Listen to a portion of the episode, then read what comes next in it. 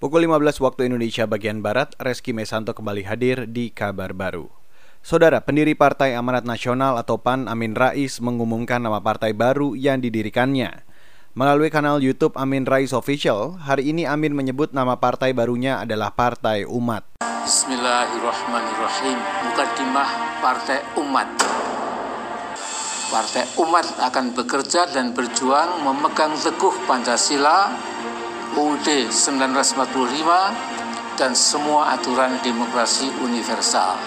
Akhirnya ia karena butuh wa ia karena stain. Hanya kepada Allah kami menyembah dan hanya kepadanya pula kami mohon pertolongan. Allahu Akbar. Merdeka. Amin Rais menjelaskan Partai Umat bertekad untuk bekerja dan berjuang bersama anak bangsa lainnya melawan kezaliman dan menegakkan keadilan. Menanggapi pendirian Partai Umat itu, Wakil Ketua Umum PAN Viva Yoga Mauladi menyatakan, status Amin Rais kini sudah keluar atau resmi meninggalkan PAN. Beralih ke informasi selanjutnya, Saudara, pengurangan masa hukuman koruptor yang mengajukan peninjauan kembali di Mahkamah Agung dinilai meruntuhkan rasa keadilan. Peneliti di Lembaga Pemantau Korupsi ICW, Kurnia Ramadana menyatakan, sejak awal memang sudah meragukan keberpihakan Mahkamah Agung dalam pemberantasan korupsi.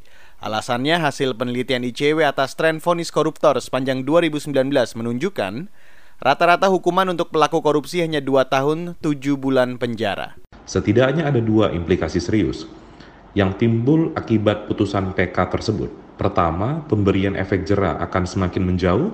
Kedua, kinerja penegak hukum dalam hal ini KPK akan menjadi sia-sia saja. Untuk itu, ICW menuntut agar Ketua Mahkamah Agung mengevaluasi penempatan hakim-hakim yang kerap menjatuhkan vonis ringan kepada pelaku korupsi. Peneliti ICW Kurnia Ramadana menambahkan KPK harus mengawasi persidangan-persidangan PK di masa mendatang. Selain itu, ICW mendorong agar Komisi Yudisial turut aktif terlibat melihat potensi pelanggaran kode etik yang dilakukan oleh Majelis PK perkara korupsi. Data KPK menunjukkan saat ini masih ada 38 perkara korupsi yang tengah diajukan peninjauan kembali di Mahkamah Agung. Sementara 22 perkara sudah dikurangi masa hukumannya selama setahun terakhir. Kita beralih ke informasi seputar pemilu di Amerika Serikat. Facebook melarang iklan maupun unggahan yang mengklaim adanya kecurangan pemungutan suara dalam Pilpres Amerika Serikat. Larangan itu berlaku di semua jejaring aplikasi termasuk situs web, layanan berbagi foto, dan video.